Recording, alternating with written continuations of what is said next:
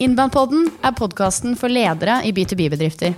Vi inviterer eksperter for å diskutere temaer innen markedsføring og vekst. Podkasten ledes av meg selv, Camilla Tryggestad Wiesche, og Tor Magnus Kolflot i Inbound Group.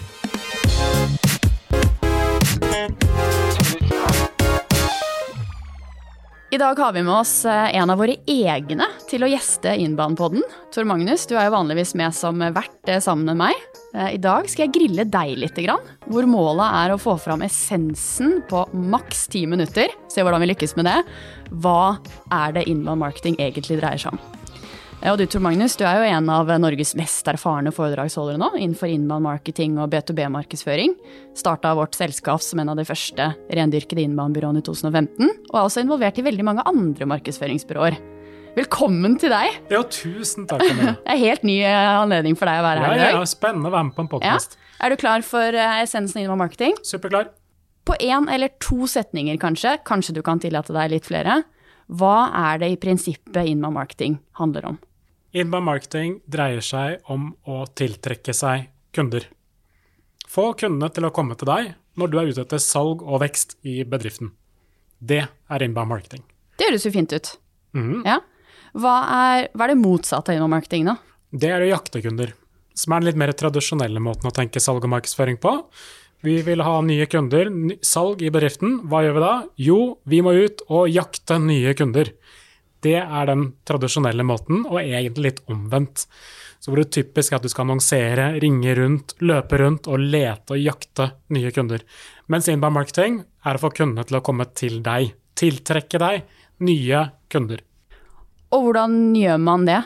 Det typiske da er at man finner ut av hvem som er målgruppen din, den ideelle kunden, hva de er interessert i, finne ut hvem de er, hvordan deres kjøpsprosess er, og så tilby det de er ute etter. Det betyr type lage innhold, faglig innhold, svare på de spørsmålene som kundene har, sånn at de kan finne deg, google deg frem til deg f.eks., komme til deg, sånn at du kan få nye kunder.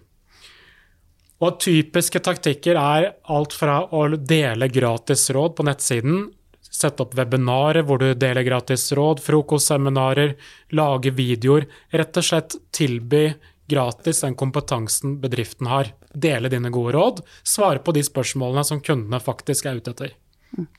Og hva er grunnen til at dette her har blitt en så populær måte å markedsføre seg på? Ja, den klassiske måten å tenke markedsføring på er jo å kjøre på med reklame.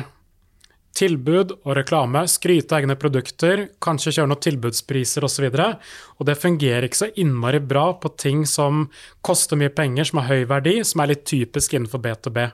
Da er man ute etter å kjøpe løsninger som skal løse problemer. Man vil få frem kompetansen i bedriften ved å kjøpe av de som har mest peiling. De som skjønner din bedrift, og som har mest mulig peiling på å løse dine problemer. Og da må man få frem fagkompetansen i bedriften.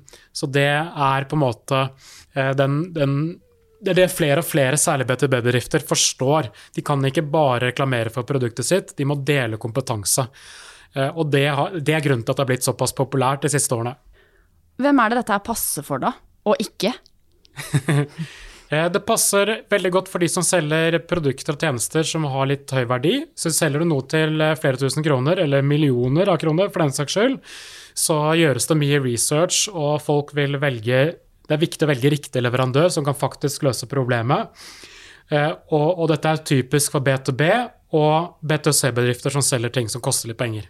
Hvor det ofte er mye research i en kjøpsprosess.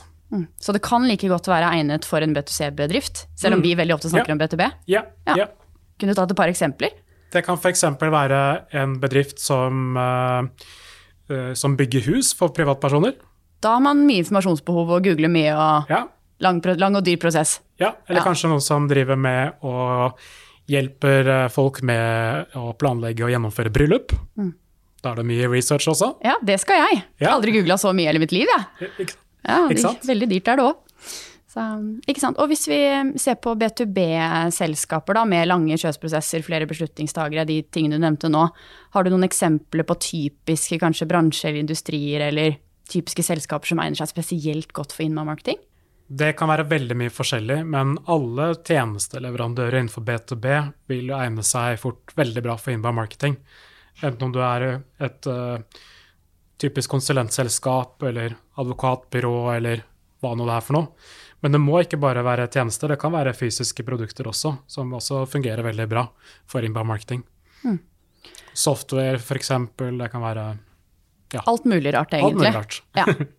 De som ønsker å satse på inbound marketing, hva er det de som regel ønsker å oppnå? Man kan kanskje oppnå forskjellige ting med å drive med dette her? Ja, du vil jo tiltrekke deg nye kunder ofte, så generere leads, konkrete navn på potensielle kunder. Men ikke minst få bedre salgsprosesser.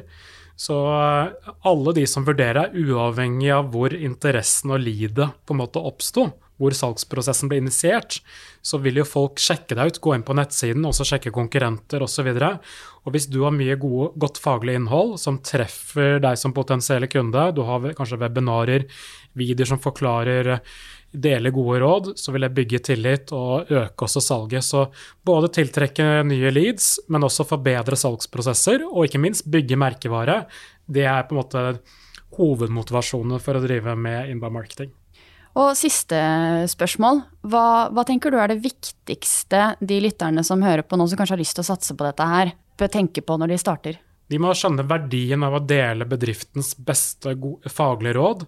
Og så er dette en langsiktig strategi, så dette er ikke noe quick fix. Det er ikke lage et par fagartikler, og så er du i boks med en ny leads-motor og lykkes med inbound marketing.